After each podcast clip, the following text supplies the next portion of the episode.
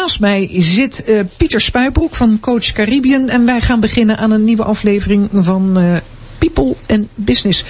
Pieter, goedemiddag. Goedemiddag Maya, goedemiddag luisteraars. Ja, Simon. Bon Simon, je zit een, een, beetje ver van je microfoon, dus regel het eventjes.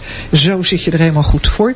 Uh, Pieter, onderwerp van vandaag. Um, we moeten onderscheid maken in de soorten verhoging van salarissen.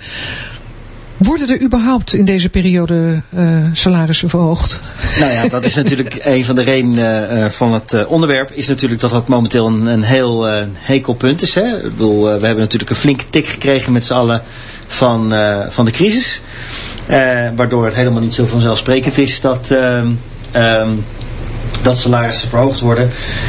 maar om een heel klein beetje te helpen om, uh, om de discussie wat, uh, wat scherper te zetten, uh, hebben we gezegd, weet je wat, we moeten denk ik wat meer uitleg geven over de verschillen in ehm, verhogingen of niet-verhogingen van, van salaris. Want hoe je het ook bent of keert, behalve natuurlijk dat, dat de economie flink tik heeft gekregen en een aantal mensen gewoon hun baan verloren is, moeten we ook constateren, en ik denk dat we dat allemaal wel doen, dat het leven om ons heen toch wel aanzienlijk duurder is geworden in de afgelopen periode. En dat gaat straks de roep brengen van ja, en wat gebeurt er met mijn salaris? Ja, logisch natuurlijk. Aan de andere kant uh, denk ik wel eens, de, de sky is niet de limit. En nee. dat is natuurlijk in prijsverhogingen geldt dat. En dan heb je de keus van nou, ik koop dat product niet meer. Maar, um, uh, maar met salaris ook. Want alles wordt duurder. Dus als je salaris dan ook weer hoger moet worden. Um, wat, eind van de streep blijft het allemaal hetzelfde. Wat, waarvoor maar ja, dingen worden duurder. Want de, de bedrijven zeggen nu de containers die worden, zijn duurder om, om nou, noem maar op. Dus het is een, een hekel uh, ding wel. Ja, inderdaad. Het is, een, het is een heikel onderwerp, maar dat zou het eigenlijk niet hoeven zijn. Als je ervan uitgaat, kijk, als het leven om je heen duurder wordt, uh, en je wil daarvoor gecompenseerd worden, dan heet dat indexeren. Ja. Dan heet dat het indexeren van je salaris. Nou, wat we, uh, wat we bij uh, bedrijven op Curaçao heel veel zien, is dat er geen onderscheid gemaakt wordt tussen indexering, tussen loonsverhoging in de schaal en tussen het feit dat iemand gewoon een andere functie is gaan bekleden en daardoor nog een hoger salaris krijgt. Of misschien zelfs een lager salaris, maar dat komt nog vrij weinig voor op Curaçao. Ja, indexeren wil dus zeggen dat, dat je vanuit je bedrijf, waar je werkt, dat die dus kijkt uh, eind van het jaar of begin van het jaar van nou het leven op Curaçao is, laat ik eens wat zeggen, 7% duurder geworden. It, ik indexeer jouw salaris met 7% daarom. Nou, dat is de ene kant van het verhaal. Uh, de andere kant van het verhaal is dat het moet uitkunnen. Hè. Jij noemde het net al. Op het moment dat uh, je eigenlijk hetzelfde bent blijven doen als je altijd deed en je hebt daarvoor als bedrijf hetzelfde geld binnengekregen, dan is de ruimte om zeg maar, die salarissen aan te passen aan het duurder wordende omgeving, is natuurlijk heel beperkt. Hm. En daarom denk ik dat zo'n discussie daarover, die kan dus gevoerd worden van kijk jongens, als de koek niet groter geworden is, dan is het moeilijker om te indexeren dan als de koek wel groter geworden is. Als je natuurlijk je prijzen hebt aangepast en dat kon en de markt die heeft dat geaccepteerd, ja. Ja, dan is het natuurlijk veel logischer om de lonen aan te passen dan op het moment dat je dat niet hebt kunnen doen. En je daardoor dus eigenlijk gedwongen bent om met minder genoegen te nemen. Hm.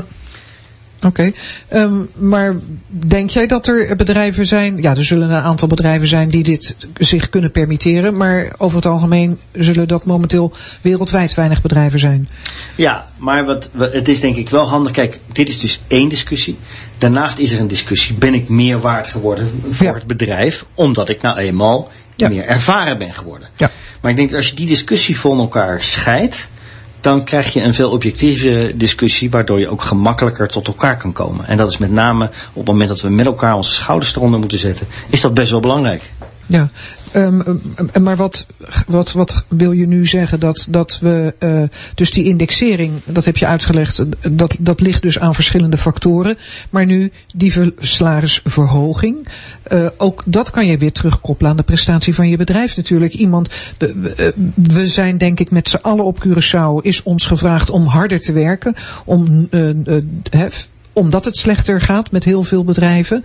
Dus dat geldt voor heel veel personen die harder werken of wellicht ook uh, uh, promotie hebben gemaakt. Maar of dat geld er is om, om je dan een verhoging te geven, heeft alles te maken met de stand van zaken van het bedrijf. Ook al zou je er recht op hebben, als het er niet is, is het er niet. Ja, dat klopt. Als je er recht op hebt en het is er niet, dan is het er niet.